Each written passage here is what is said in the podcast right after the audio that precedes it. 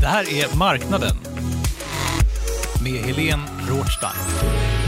Hej och hjärtligt välkomna till Marknaden och det här är ju gamla Affärsvärlden Magasin, eller hur Jakob Bursell? Ja, Du är ju VD för eh, Monopol Media som producerar Affärsvärlden Magasin som nu byter namn till Marknaden ju. Mm. vi har haft ett långt och härligt samarbete med Affärsvärlden eh, som är ett otroligt va- varumärke i Sverige. Men just den här delen av, av samarbetet har tagit slut och, och då får vi liksom släppa sargen och göra något eget. Mm. Och det blir då Marknaden. Och ja, ska vi säga vad, vad det blir för någonting? Ja? Ja, det blir ju som vanligt kommer det vara på måndagar en intervju och sen så kommer vi lägga till ett program på fredagar som blir ju mer nyhetsrelaterat program som vi kör ut typ direkt när vi har spelat in. Eh, Exakt, och, och liksom med, med risk för att låta lite så här företagig. Så vi vill ju bli bäst och störst på ekonomipoddar. Vi tycker det finns så mycket mer att göra och en dröm som jag alltid haft är att ha liksom ett stort och fint och påkostat veckomagasin om ekonomi och börs och finans där liksom alla som gillar det här kan samlas och, och hitta någonting. Eh, vi är ju inte där än, men, men det här som vi gör nu på fredagar i marknaden, gamla Affärsvärlden magasin, det blir liksom en första tegelsten i det huset. Ett, ett liveinspelat program där du kan träffa återkommande gäster och prata om veckans liksom, snackisar och nyheter inom eh, börs och finans. Eh, så kul tycker jag det ska bli att, att eh, få ut det här och, och sen liksom utveckla det till någonting ännu bättre. Ska man säga, jag känner mig lite nervös för, inför det. Ja, du, du sa det precis. Ja. Men också jäkligt taggad om man får lov att svära. Ja, ja men det, det, det får man. Men, men då får jag fråga dig bara Helene, för du har jobbat med oss här i, i ett år eh, ungefär. Sen har vi jobbat med den här podden längre än så. Nu ska du byta namn till marknaden och liksom det blir någonting fristående och vi har massor med ambitioner. Eh, hur, hur känns det? Ja men det känns ju lite tycker jag som att flytta hemifrån där med affärsvärlden. Det känns ju som att jag ändå kommit så här till mina föräldrar och ätit mat lite då och, och, och så. Men sen är det ju faktiskt så att vi har ju kört den här podden väldigt fristående och självständigt eh, ja, Mm. men väldigt länge. Och Mm. faktum är att det, det som dyker upp i den här podden det har ju typ alltid varit mina påhitt nästan. Mm, Nästan absolut. jämt. Ja. Så, Ja, så så det, är ingen, det är ingen stor skillnad på det sättet? Nej, Nej. nej, det blir det ju faktiskt inte. Och eh, du du kommer ju fortsätta då göra dina eh, måndagsintervjuer. Eh, det, alltså de, är väldigt uppskattade. Jag träffar folk på stan eh, stup i kvarten förra veckan, två personer som oberoende av varandra tyckte att mm, det här var liksom deras favoritstund på veckan nästan och, och lyssna till dina intervjuer. Va, va, du fortsätter som vanligt. Ja, jag fortsätter som vanligt och nu är jag uppe i, det kanske är 180 personer jag intervjuat. Det är ju många fler för att jag har ju varit på Affärsvärlden länge och gjort intervjuer, kanske 200-300 Mm. intervjuer jag har gjort. Och, ja, och, och då, då liksom samlar man ju på sig en del roliga erfarenheter och stories. Alltså, kan du bjuda på någonting kul om, från någon intervju eller något möte eh, som du har varit med om? Alltså bakom kulisserna. Ja, nå- något som kanske inte kom med i podden. Ja, men man kan väl säga för det första, saker som inte kommer med kommer ju inte med ofta av en anledning. Det kan ju vara att eh, en säkerhetsaspekt, till exempel någon kanske berättar att man har blivit rånad eller så här på sin klocka eller någonting, eller var man bor eller min konst är där och där vad det gäller så här Mm. rika personer. Då eh, tar jag faktiskt ganska lugnt med sådana grejer. Mm. Ehm, och sen så kan det vara lite personliga saker, typ om någon pratar illa om sin exfru kanske. Det Mm. inte kommer med. Vanligt eller? Ja, Men det kan, ja, då, då, då eh, st- stryks det kan man Mm. säga. Man får ju inte heller säga vad man vill om vem man vill enligt lagen. Ju. Nej, alltså, nej. Det finns ju Mm. regler Ja. också att förhålla sig till, så det måste man också ta hänsyn till. Verkligen. Men även om det inte skulle vara olagligt kan det vara olämpligt, lite sådana grejer. Men annars så, eh, nej men den här podden från början så fick den ett uppsving när jag tog en taxi med Erik Selin, fastighetsmogulen. ja. Och eh, det var ju ett påhitt kan man säga. Men och då var det ju liksom, om man ska berätta någonting där bakom kulisserna så är det ju att eh, jag skulle egentligen bara fråga honom om kollektor. Liksom, nu har du hoppat in här som styrelseordförande i kollektor. Och sen så skulle han till Arlanda från Solna och då frågade jag om jag fick åka med en taxi. Men egentligen så hade jag liksom inget annat att fråga honom om. Ni kan, den heter i Taxi med Erik Selin. Alltså, och det är ju ganska långt så här från Solna till Arlanda. Men eh, ja, jag fick ju komma på efterhand. Och sen han är ju så pass känd så man har ju kanske lite liksom, koll på vad han har gjort Ja. och så. Ja. Nej men det finns ju flera sådana. Eller en annan så här bilfärd var ju som man kanske inte hör heller, men det var ju när jag var och hälsade på Anders Wall. Och eh, jag körde runt och, liksom med honom. Jag körde min bil och så satt han bredvid mig. Och eh, han skulle, vi skulle till olika ställen då i, i Uppland. Vi skulle hem till honom, vi skulle till Apotea, vi skulle också till hans favoritgrill och äta mat. Och, och då egentligen så tycker jag om att köra efter GPS, och, men han ville inte det. Utan, och då skulle jag liksom spela in en intervju med honom, i den här apparaten som kallas för Zoom. Och sen skulle jag köra och sen så satt han liksom bredvid mig så här höger, sa jag, alltså ganska strängt. Eh, och då, ja, men då kände jag så stark liksom en sån stress att jag ville verkligen inte vara den personen som körde ner Anders Wall i diket. Det var lite stressigt, det var halt också, smala vägar och lite sånt. Men, och, finns det några tillfällen då det liksom eh, gått snett då? Nej, Ja, no, aldrig nej, chefen. Eh, ja, men, ja men det finns. Det finns ju en gång när jag skulle spela in eh, med Ilja Batljan och han hade lagt bud på Hemfosa. De verkade väldigt sugna på att vara med i media, vara med lite överallt där, SBB. Och eh, det här gick på några timmar liksom, att vi bestämde den här intervjun. Och så är det ju som journalist att det kan ju gå väldigt, väldigt fort Mm. faktiskt. Och det här gick på några timmar eh, från vi bestämde tills att han kom och jag fick låna eh, en kollegas utrustning. Och den här kollegan, han heter Johan Anderberg, Mm. glömmer jag inte. Ja, han är väl på svenska ganska mycket nu. Men han satte på, liksom, vi var fyra personer inne i ett rum. Jag hade tagit med mig min kollega Johan Eklund som var jätteduktig på fastigheter och en av de första tror jag som rekade SBB. Eller han var i alla fall tidig med att göra det för Mm. flera, flera år sedan.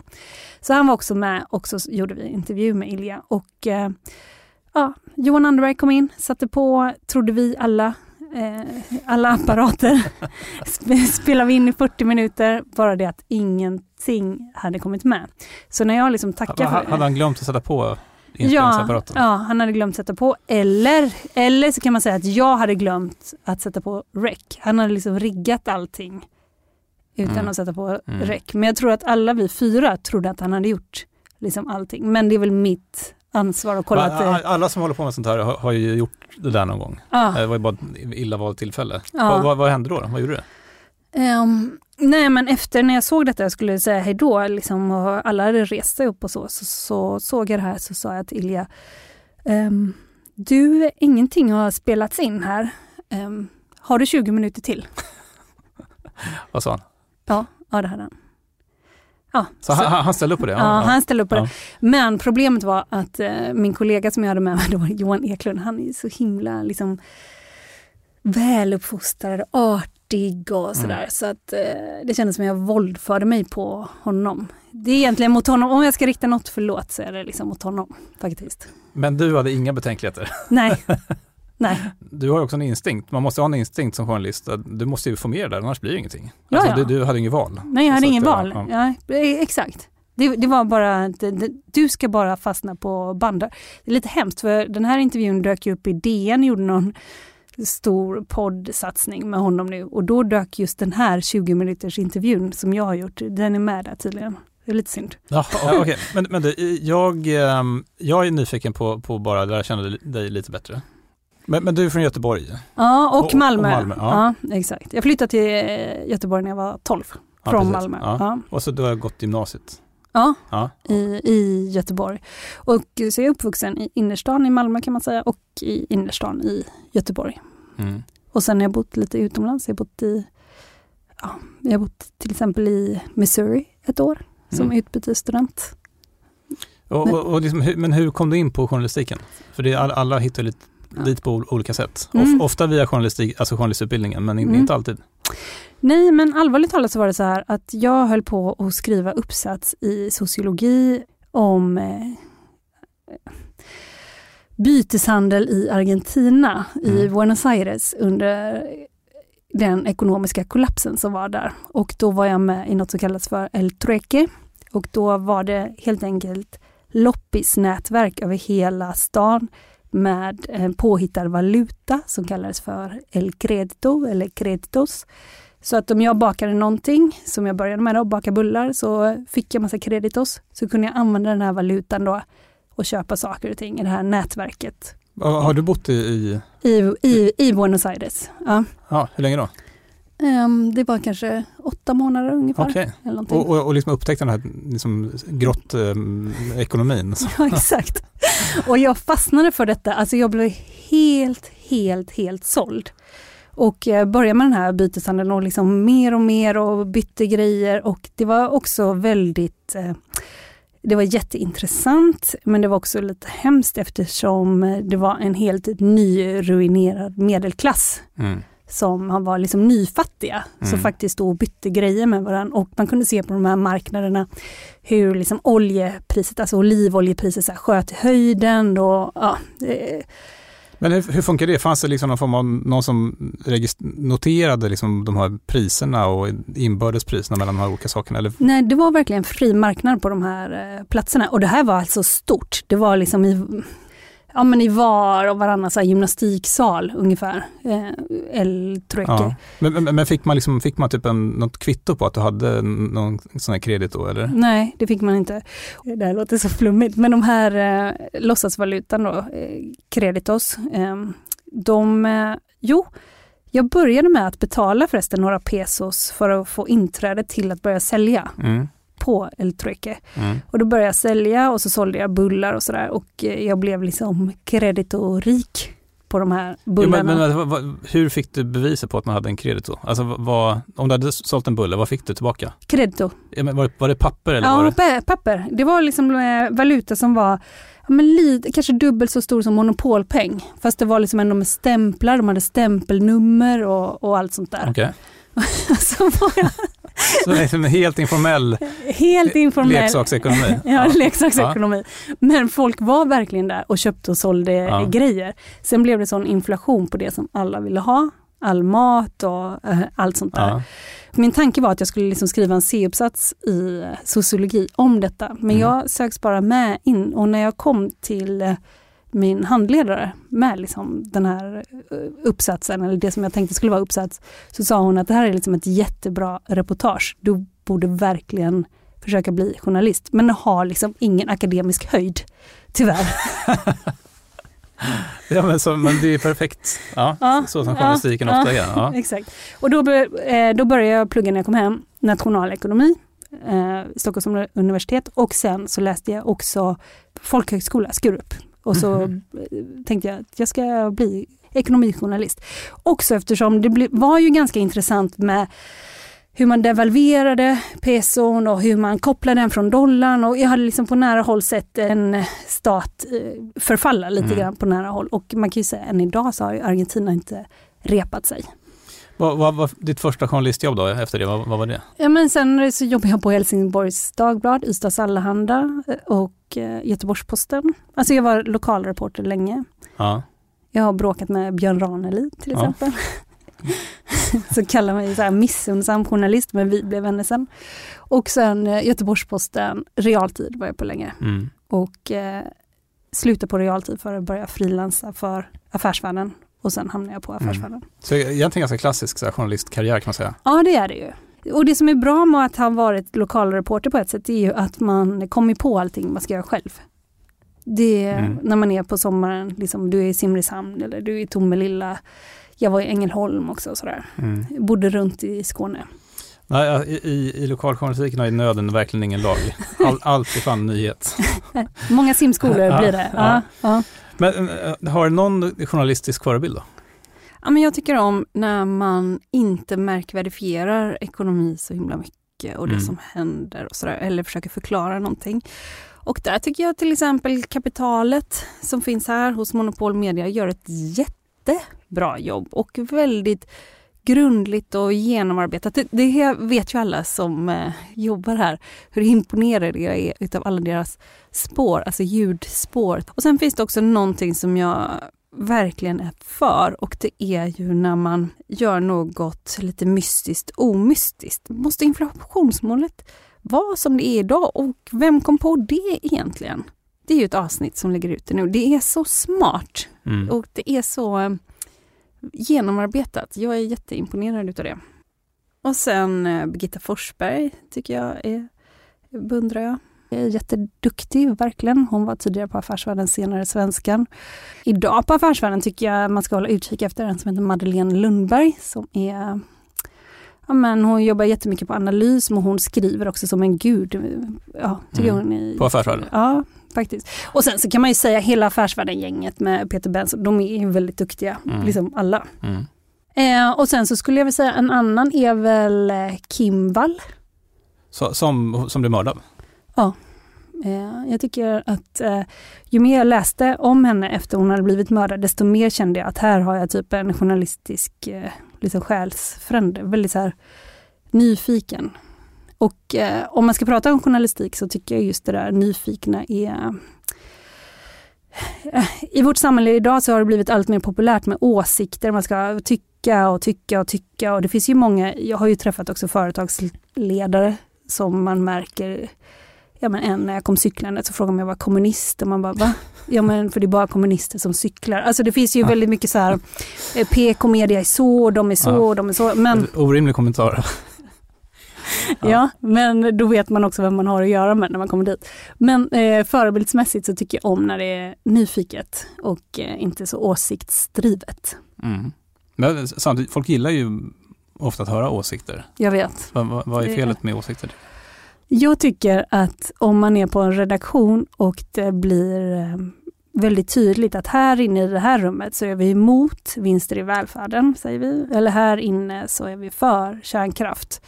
Då så kan jag tycka att det kan bli mer av en tankesmedja och det är inget fel med tankesmedjor men det är en annan sak tycker jag än att man fortsätter att undra och undersöka saker än att man vet och har bestämt sig. Och om man säger sådana som jag möter, ibland får jag skärpa mig för det är ganska lätt att man kan ha fördomar mot vd, som kanske har väldigt liknande CV. Mm. Som jag gick på Handels, Boston Consulting Group och sen hamnade jag på. Mm. jobbade jag upp i företaget, CFO och sen blev vd. Då är det liksom en utmaning att inte stereotypisera en person eller så. Mm. Eh, och det är något som jag arbetar med och som jag tycker folk slarvar med. Eller man är ivrig att sätta etiketter på folk och den är en sån eller jag tycker inte om såna. Eller, ja, som journalist så blir det liksom lite svårt tycker jag att jobba och eh, redan veta saker Mm. och ting. Men det är ju, åsikter är jättepopulärt. Mm.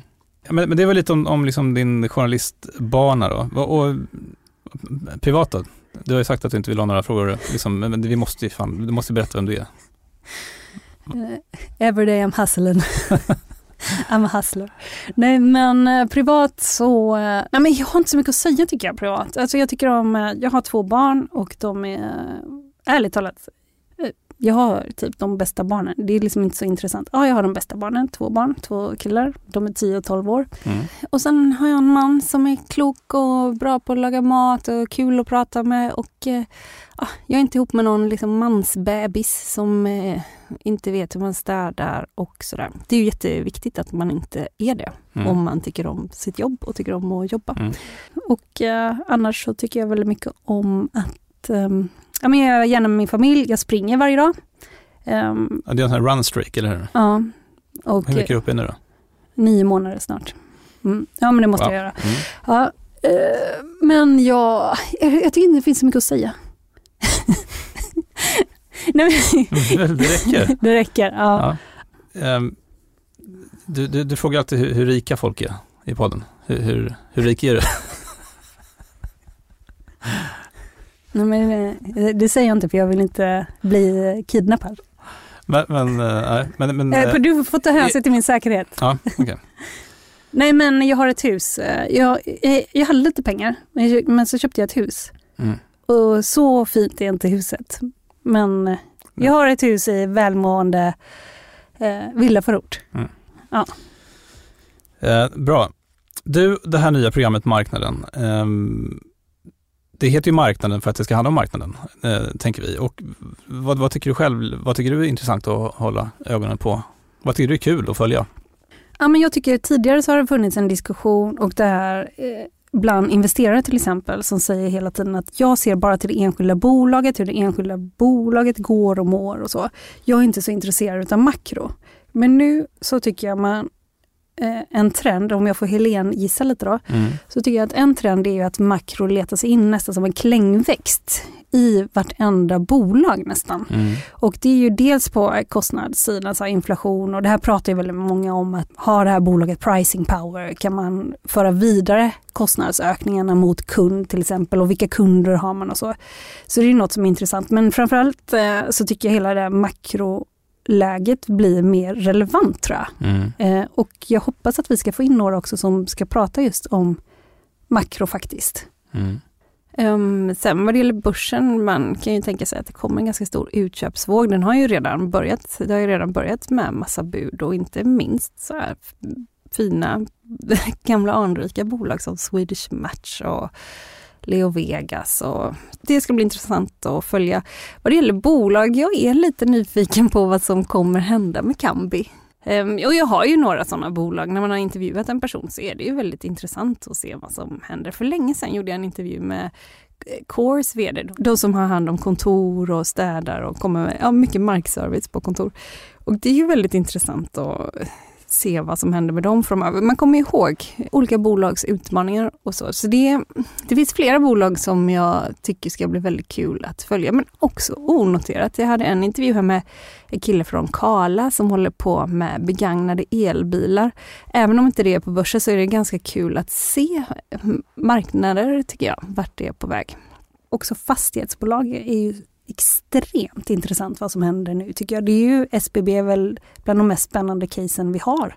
Alltså Mm. om det där skulle gå riktigt dåligt, då är vi ju på internationell nyhets Netflix-nivå. Mm. Ja, ja. Så är det ju.